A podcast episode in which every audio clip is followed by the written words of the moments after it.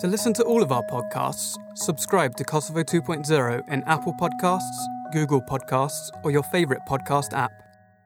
Find more stories at www.kosovo2.0.com. Tronditjet. Iluzionet e një kohe të ngrirë. Shkruar dhe lexuar me zë nga Artrit Bytyçi. Kthimi në vendlindje pas pesëmbëdhjetë vitesh. Kur vendosa ta lë New Yorkun dhe të kthehem në Kosovë pas pesëmbëdhjetë vitesh në Amerikë, gjitha frikat më të mëdha i grumbullova në një ide për projekt të mundshëm artistik që dramatikisht kisha qejf ta quaja Tronditjet. Natyrisht që prisja ca vështirësi riambientimi, ngaqë kishin pas kaluar 7 vite që kur kisha qenë në Kosovë për herë të fundit. Por isha i bindur se e kisha gjetur zgjedhjen perfekte se si t'i qasesha shokut kulturor të rikthimit. Do t'i mirja gjërat shtruar, ngadalë ngadalë, e të shihja ku do të më çonte krejt kjo. E ashtu edhe bëra. Për më shumë se një vit me radhë që prej kthimit tim, u zhyta në kënaqësitë që më kishin munguar gjatë kohës në SHBA. Kënaqësi të thjeshta këto. Mundësia për të shkuar në pauzë të zgjatur dreke gjatë orarit të punës dhe takimi i shokëve për kafe në mesditë, dikujt nga Ballkani mund t'i duken si çdo e martë tjetër e zakonshme, por për mua ishin luks njujorkez.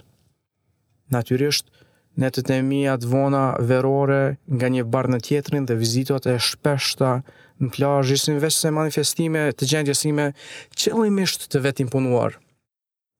Një lumturi naive, të cilën e përdorja për t'i ikur ballafaqimit me realitetin. Kështu që, u mundova ta zgjas sa më shumë që ishte e mundur atë ndjenjën e muajit mjaltit. Prej gjithë atyre frikave që kisha për kthimin, asnjë prej tyre nuk doli të ishte domethënëse. Janë gjithmonë ato për të cilat nuk i pret që të marrin në qafë. Dhe një gjë e tillë, që e kuptova vetëm pas kthimit, ishte të kuptuarit se koha përpos që ka efekt në njerëz, Këtë kisha qenë i aftë ta parashikoja, por gjithashtu ka efekt edhe në gjësende. As që e kisha pritur e as që isha i gatshëm ta pranoja gjendjen e rëndë të shkatërrimit që e kishte kapluar shtëpinë dhe pronat e mia derisa isha larg. Derisa nuk lexova Odisenë e Homerit. Ajo çfarë në të vërtetë e kishte shtyrë Uliksin të kalonte detrat e stuhishme, të luftonte me përbindsha e të joshte hyjnesha për t'u kthyer në shtëpi, Ishte të kuptuarit se pronat e tija ishin kapluar nga shkatërrimi dhe se pasuritë e tija vazhdonin të zvogëloheshin dita ditës.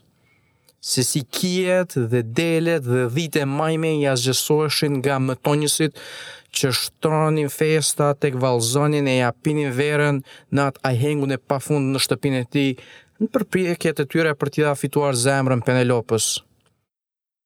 Asaj vere të parë, i kriposur me erëzat e këtij ndërgjegjësimi, për nja dy muaj me radhë i shmangesha hyrjes në shtëpinë time në Prizren, ku kisha pas kaluar një kohë goxha të gjatë të fëmijërisë sime. Këtë, me siguri e bëja për shkak të frikës se dhoma ime nuk do të ishte ashtu siç e mbaja mend, dhe se me të parë diçka ndryshe do të njolloseshin kujtimet e çmuara të fëmijërisë sime. kujtime të cilave iu kthehesha kohë pas kohe gjatë momenteve të vështira, kujtime që më shërbyen si themel i paqes dhe stabilitetit dhe sigurisë, kurdoherë që jeta në qytetin e madh më binte në qafë me ndonjë dredhi të re. A nuk shkove me pa dhomën e vjetër? Më tha shoku im Muja në të cilin kisha rastisur një ditë në Prizren. Nuk e ndalte dot befasinë kur mori vesh se asaj fundjave unë rrija tek shtëpia e shokut tonë Burimit në vend të shtëpisë sime. A nuk të mori malli? Më ka marrë malli mua, jo më ty. Derisa familja ime jeton në Prishtinë, vitet e 90-ta i kemi pas kaluar në Prizren.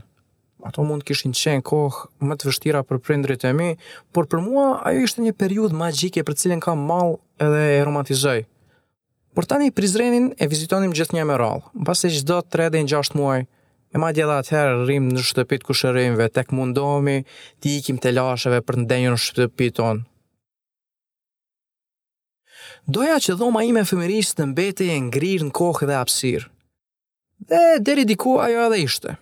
Kauçi i kaltërt akoma ishte aty dhe akoma anonte diagonalisht kur flija mbi të, tavolina e shkrimit akoma ishte shumë e madhe për atë dhomë dhe klaustrofobikisht ishte e rrasur në qoshe mbrapa kauçit, sirtaret e sipërm të dollapit, edhe pse boshe, ishin akoma nën çelës, njëlloj sikur kur nëna ime i ruante dokumentet e rëndësishme të firmës aty. Dhe unë akoma nuk mund ta zgjasja kokën jashtë dritares nga ajo rrjeta e bezdisshme e mushkonjave. Por, kishin ndodhur ca ndryshime të vogla. M'u desh pak kohë për ta hequr nga sytë e mia duvakun e idealizimit dhe ta shihja shtëpinë time në Prizren ashtu siç ishte.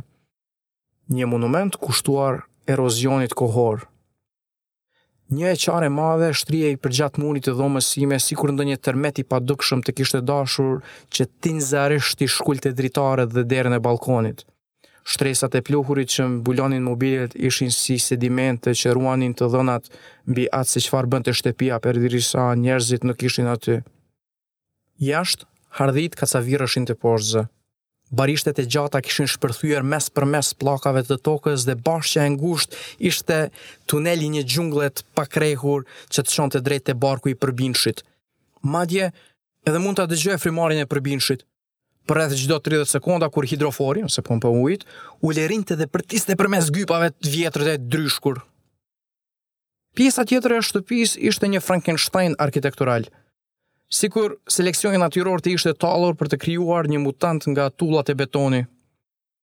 Gjatë viteve, çdo dhomë kishte akumuluar modifikime të ndryshme dhe ishte ridizajnuar aq shpesh, saqë do të ishte një projekt hulumtimi shumë interesant për cilindo studiues të dizajnit të interierit. E mos ia nisi me mobilet që nuk përputheshin, ose me librat dhe gjësendet e grumbulluara përgjatë shkallëve, ose me banjën e ngushtë klaustrofobike. Por, krejtësisht kisha harruar se shumica e këtyre ndryshimeve në shtëpinë e Prizrenit në fakt kishin ndodhur gjatë fëmijërisë sime. Për shembull, dhoma e errët e ndejës, një herë një kohë kishte dritare që shikonin nga jashtë lulëzimin e drurit të qershisë, pamje e cila u mbyll me zgjerime dhe mbindërtime të improvizuara gjatë viteve të 90-ta.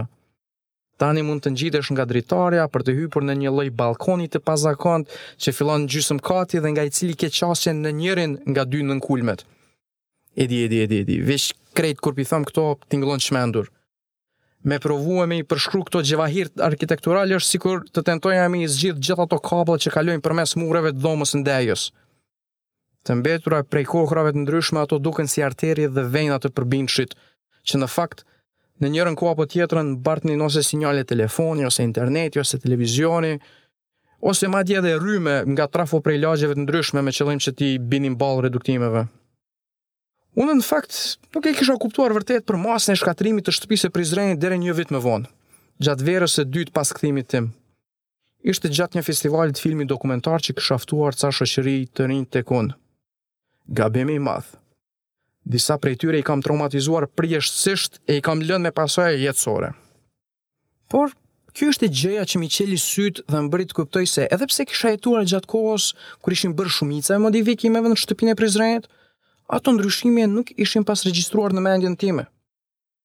Kjo do të mund t'i atribuoj të metave thelbësore të memories dhe mënyrës se si ajo është e ndërtuar nga fragmente të përzgjedhura nga vetë ne. Versioni im i shtëpisë së Prizrenit ishte në fakt i përbërë nga disa periudha kohore të ndryshme, e që të gjitha të përzijara së bashku në një shtëpi ideale. Edhe sikur të mund të udhëtoja nëpër kohë, asnjëherë nuk do të mund të kthehesha tek shtëpia e Prizrenit që kisha në mendjen time. Sepse ajo asnjëherë nuk kishte ekzistuar në realitet. Edhe ajo ishte një farë lloj Frankensteini arkitektoral. Ky tekst është pjesë e projektit kreativ të Artrit Bytyçit, titulluar Tronditjet, dhe eksploron temat si kthimi dhe riambientimi në vendlindje. Mbi autorin, Artrit Bytyçi është nga Kosova, ka master në artet e bukura në drejtimin e shkrimit kreativ nga New School e qytetit të New Yorkut, prapavija e tij në shkenca biologjike ndikon në mënyrën se si ai e sheh botën. Ai mundohet t'i qaset artit me kuriozitetin e një eksperimentuesi dhe të mendojë për shkencën në mënyrë artistike. Deri më sot, këto përpjekje kanë dhënë rezultate të debatueshme. Mirë se vini në Out Loud, podcast nga Kosovo 2.0.